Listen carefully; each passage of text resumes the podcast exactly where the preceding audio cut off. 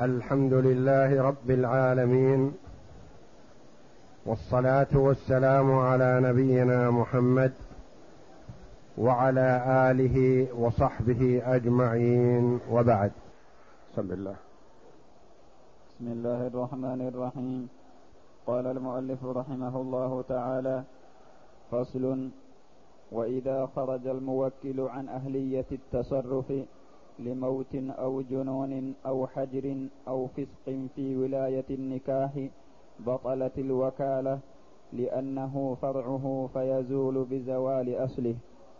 قول المؤلف رحمه الله تعالى فصل أي فيما يبطل الوكالة. الوكالة تكون سارية المفعول حتى يوجد ما يبطلها. ومن ذلك إن خرج الموكل عن أهلية التصرف. كيف خرج عن أهلية التصرف؟ مات أو جن أو حجر عليه أو ثبت فسقه في شيء ما بطلت ولاية النكاح فقط وأما في الوكالات في البيع والشراء فلا. إيضاح ذلك لموت الرجل وكل زيدا في البيع والشراء. تصرف وباع واشترى والى آخره. مات الموكل. هل يستمر الوكيل في التصرف في البيع والشراء ليصفي التركة للورثة؟ الجواب لا. خلاص انتهت وكالته. أصبح كأي واحد من الناس. ما له وكالة. لأن الرجل مات. اللي وكله مات. فبطلت وكالته بموت موكلة أو جنون. الموكل أصابه الجنون بطلت الوكالة لأنه وكله حينما كان جائز التصرف. بجنونه أصبح غير جائز التصرف فوكيله من باب أولى أو حج أو حجر بطل تصرفه أو حجر. الرجل مثلا وكل شخصا في أن يبيع ويشتري له في العقار. الرجل الموكل ثبت إفلاسه فحجر عليه الحاكم الشرعي التصرف لئلا تضيع أمواله والغرماء كثير فحجر عليه. فهل ينفذ توكيله لوكيله في التصرف؟ لا. هو نفسه بطل تصرفه ولا يصح له أن يتصرف فوكيله من باب أولى أو جنون أو حجر أو فسق في ولاية نكاح. يعني الأوصاف الثلاثة السابقة في كل شيء. موت يبطل وكالة الوكيل في أي شيء. جنون كذلك حجر كذلك أو فسق تبطل ولاية النكاح. وتبطل الوكالة إيضاح هذا الرجل ولي على أخته أو بنته. ليزوجها بالرجل الكفر. ثبت أن هذا الأخ فاسق ليس له ولاية. وكيله الذي وكله ليزوج ابنته أو أخته نيابة عنه هل تستمر وكالته؟ لا تبطل حتى لو كان الوكيل رجل صالح لأن ولاية الموكل بطلت. فولاية الوكيل تبع الله. فالفسق في ولاية النكاح خاصة. أما مثلا إذا وكله في البيع والشراء ثم تبين فسق الموكل فالوكالة ماشية سارية المفعول. لأنه هو نفسه مع فسقه يصح بيعه وشراؤه. لكن في ولاية النكاح هو وكل شخصا ليزوج ابنته أو يزوج أخته. فثبت فسق الموكل. فهل تسري الوكالة؟ تستمر الوكالة؟ لا تنفسخ. لما؟ لأن ولاية الموكل فسخت بطلت. فولاية الوكيل عنه من باب أولى تبع له. في ولاية بطلت الوكالة لأنه فرعه. لأنه ما دام أنها بطل تصرف الأصل فالفرع تبع له. فيزول بزوال أصله. الرجل جن هل يسري يجوز تصرفه هو وهو مجنون فوكيله من باب أولى. الرجل حجر عليه أن يتصرف فهل يصح توكيله؟ لا. توكيله في البيع والشراء وقد حجر عليه فيه ما يصح. وهكذا نعم. فإن وجد ذلك أو عزل الوكيل فهل فإن وجد ذلك أو عزل الوكيل. فإن وجد ذلك أو عزل الوكيل فهل ينعزل قبل علمه؟ فيه روايتان. إحداهما ينعزل لأنه رفع عقد لا يفتقر إلى رضاه فلم يفتقر إلى علمه كالطلاق. والثانية لا ينعزل لأنه أمر فلا يسقط قبل علمه بالنهي كأمر الشارع. فإن وجد ذلك ما هو؟ الموت أو الجنون أو الحجر أو الفسق. فهل ينعزل الوكيل قبل علمه بشيء من هذا؟ أو عزل الوكيل مع سلامة الموكل؟ حكم تصرفه ماذا سيكون؟ الرجل وكيل عن زيد في البيع والشراء. زيد مات يوم الجمعة. الوكيل باع عقارا له يوم السبت أو يوم الأحد. ما علم أن صاحبه مات. فباع بعد موته وقبل علمه.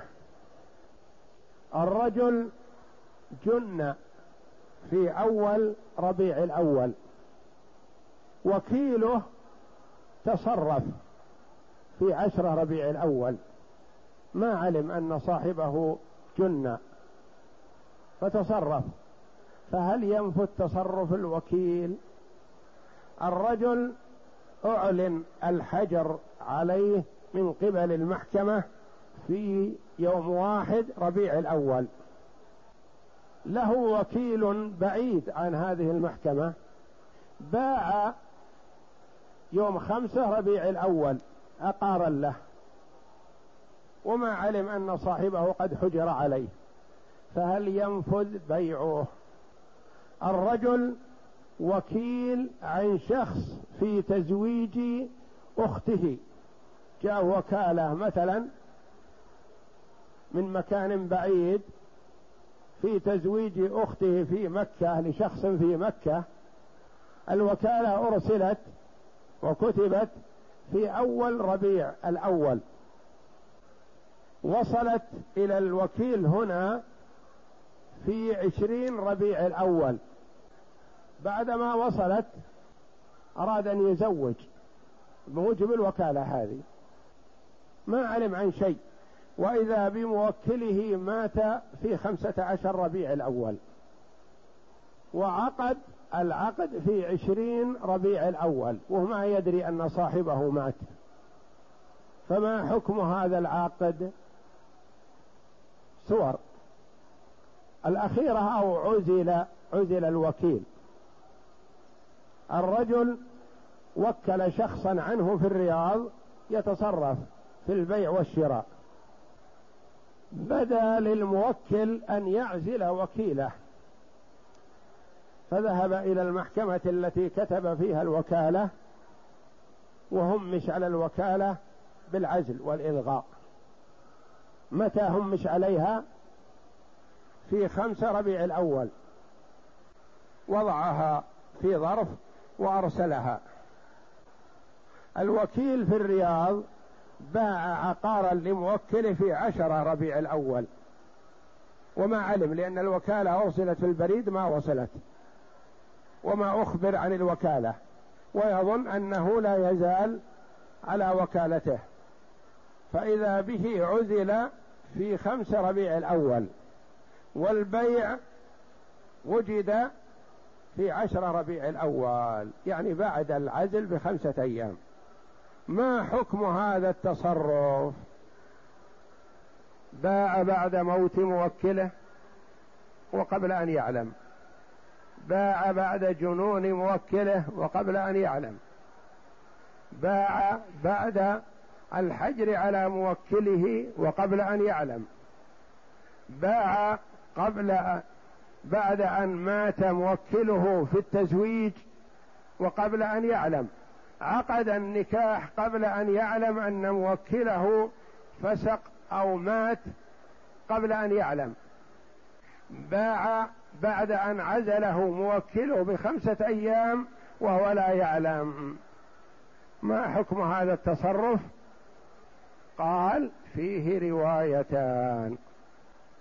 فيه هذا التصرف الذي وجد بعد العزل أو بعد ما يوجب بطلان الوكالة وقبل أن يعلم الموكل الوكيل وقبل أن يعلم الوكيل. تصرف.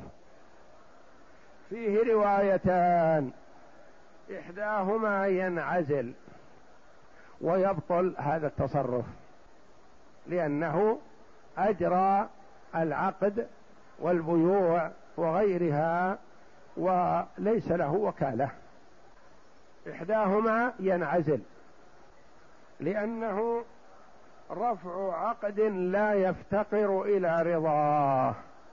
هذا العقد عقد التوكيل ما يفتقر إلى رضا الوكيل وجوده ولا عدمه.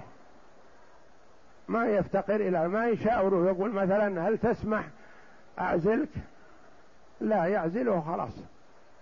قال تصرفه وافق أنه لا ولاية له. إحداهما ينعزل لأنه رفع عقد لا يفتقر إلى رضاه فلم يفتقر إلى علمه يعني ينعزل وقبل قبل أن يعلم كالطلاق يعني مثل ما لو طلق الرجل زوجته هل يفتقر إلى مشاورتها؟ لا هل لا يثبت الطلاق حتى تعلم؟ لا ما دام الرجل طلق فهي خرجت من عصمته وتعتبر عدتها تبدأ من وقت الطلاق لا من وقت علمها. فمثلا طلقها في خمسة محرم وفي مكان بعيد وأرسل ورقة الطلاق فما وصلت إلا في خمسة جماد الأولى. مضى محرم صفر ربيع الأول ربيع الثاني جماد الأولى حوالي خمسة أشهر خرجت من العدة. بعدما يصل صك الطلاق يعلم أن الطلاق ثابت من حقها تتزوج في نفس اليوم. ما يقال ما اعتدت لأن الطلاق اعتبر من تاريخ وقوعه وقد مضت العدة بدون علمها. مثل عدة المتوفى عنها قد يتوفى عنها زوجها وهي لا تعلم إلا بعد خمسة أشهر أو ستة أشهر فتكون خرجت من العدة قبل أن تعلم بالوفاة. فإذا أتاها مثلا خبر الوفاة وعلم أنه من تاريخ كذا من حقها تتزوج في نفس اليوم. أتاها خبر الطلاق وقد مضت العدة وهي لم تعلم من حقها تتزوج في نفس اليوم لأنها انتهت عدتها. إحداهما ينعزل لأنه رفع رفع عقد لا يفتقر إلى رضاه فلم يفتقر إلى علمه كالطلاق. يعني الطلاق يقع ولو لم تعلم المرأة. والثانية لا ينعزل. اقرأ. والثانية. لا ينعزل. لأنه أمر فلا يسقط قبل علمه بالنهي كأمر الشارع. الرواية الثانية أن الوكيل إذا تصرف بناء على التوكيل السابق ولم يعلم أنه التغى فتصرفه صحيح. قالوا لأن تصرفه مبني على شيء ثابت وما علم عن زواله. والثانية لا ينعزل لأنه أمر فلا يسقط قبل علمه. يعني أمر بالتصرف وما نهي عنه فتصرفه حينئذ صحيح. كأمر الشارع أمر الشارع ما يلزم الإنسان أن يأتي به حتى يعلمه حتى يتبلغ. شيء ما تبلغه ما يلزمه.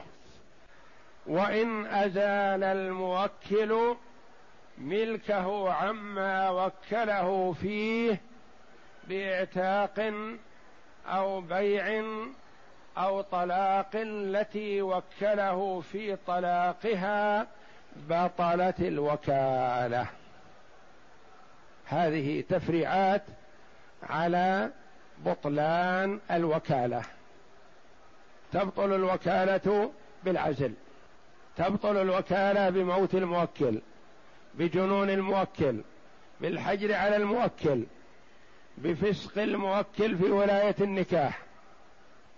وتبطل الوكالة كذلك إذا أزال الموكل ملكه عما وكله فيه بإعتاق. قال له مثلا أنت وكيل عني بإعتاق هذا الرجل. فاعتقه نفسه الموكل. بطلت الوكالة. قال له أنت وكيل عني في بيع هذا الغلام. هذا الغلام ملك لي رقيق. فأنت وكيل عني في بيعه. وأعطى وكالة شرعية في بيعه. ثم إن الموكل نفسه فكر وقال أبيعه على ربي. ما الفائدة إذا بعت بعشرة آلاف أو عشرين ألف أو أقل أو أكثر؟ آخذ عوضه من الله. يعطيني أضعاف مضاعفة. أيها الغلام أنت حر لوجه الله. ما حكم الوكالة التي ذهبت للبيع؟ بطلت. لأنه زال ملكه وكله في بيع شيء زال ملكه عنه. ما وجد أو بيع مثله. وكله في بيع هذه الدار. ثم إن الموكل في أثناء هذه المدة باعها. ثم بعد شهر من بيع الموكل لها باعها الوكيل. قال أنا عندي وكالة.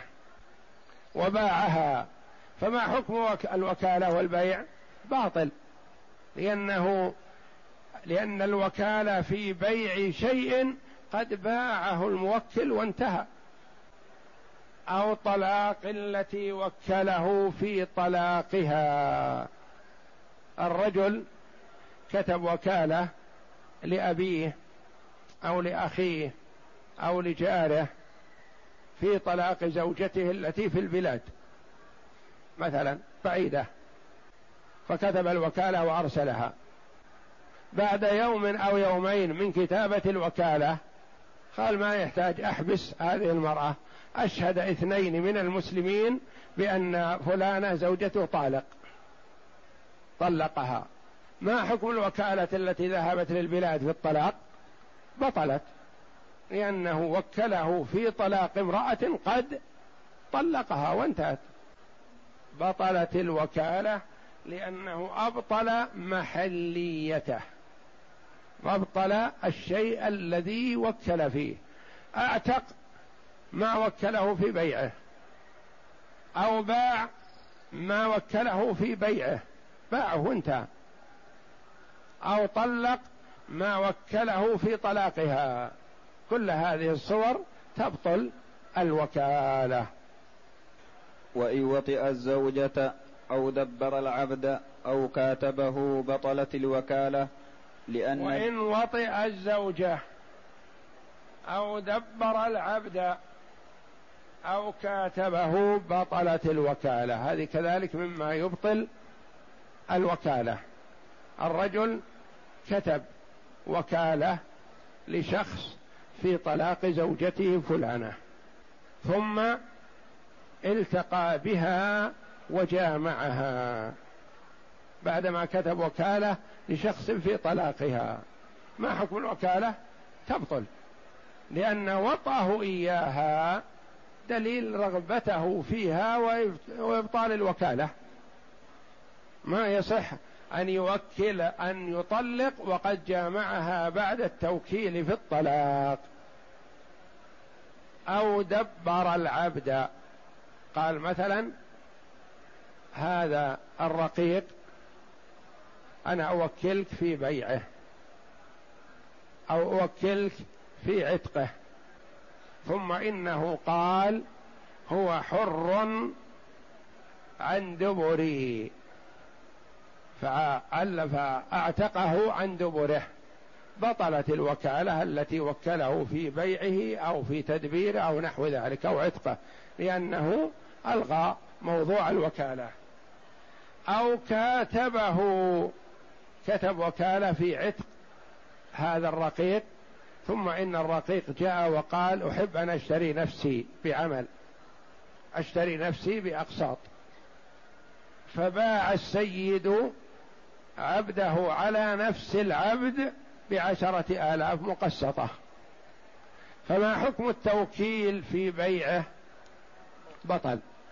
التوكيل في عتقه بطل. لأنه انتهى بتدبيره أو بمكاتبته كتابة. لأن ذلك يدل على رجوعه إذ لا يجتمع مقصود هذه التصرفات مع البيع. ما دام أنه دبره دليل على أنه عدل عن بيعه. ما دام أنه كاتبه دليل على أنه عدل عن بيعه. وهكذا. نعم. والوطء يدل على رغبته في زوجته. نعم. وإن وكله في الشراء بدينار فتلف بطلت الوكالة. فإن تلف بتفريطه فغرمه هو أو غيره لم يملك الشراء ببدله لأن الوكالة بطلت بتلفه. وإن وكله في الشراء بدينار فتلف بطلت الوكالة. إذا قال له خذ هذه مائه ريال اذهب اشتر لي بها كذا وكذا. في أثناء الطريق تلفت المائه ريال. فقدت. سقطت منه أو سرقت أو أتاها بلل أو شيء أو ريح وطارت بها الريح أو سقطت في ماء فتلفت. فهل له أن يشتري بغيرها؟ ويحضره لموكله ويطالبه بالمئة؟ لا. لأنه قال اشتر لي بهذه المئة. هذه أعطاه إياه. فتلفت هذه المئة بنفسها فما يملك الشراء بغيرها. بخلاف ما إذا قال اشتر لي كذا وكذا في حدود مئة ريال فيشتري. لأنه ما عين الثمن لكن إذا قال خذ هذه مئة ريال اشتر لي بها كذا وكذا. فتلفت بطلت الوكالة لأنه وكله يشري بهذه المئة وهذه المئة ذهبت. ثم لا يخلو. إن كانت هذه المئة تلفت لتفريط مثلا فإنه يغرمها. أو تعدى عليها الغير فإنه يغرمها الغير الذي تعدى عليها. وهل يشتري ببدلها هذا؟ لا لأن الوكالة في تلك بعينها. وإن وكله في الشراء بدينار فتلف. بطلت الوكالة. فإن تلف بتفريط منه يعني نفس الوكيل فرط وضع الدينار في غير المكان الذي يوضع به عادة. فإنه يغرمه. أو تعدى عليه شخص فأتلفه فإن المتعدي يضمنه. فهل يملك الشراء ببدله؟ لا. ما يملك الشراء ببدله. يقول له أنت وكلتني في شراء تلك المئة التي أعطيتني إياها وهذا وهذه بدل المئة التي تلفت وأنا لست بوكيل في الشراء بهذا وإنما وكيل في الشراء بالمئة التي تلفت وقد تلفت. لم يملك الشراء بدله لأن الوكالة بطلت بتلف العين التي حددت ثمنا والله أعلم. وصلى الله وسلم وبارك على عبده ورسول نبينا محمد وعلى آله وصحبه أجمعين.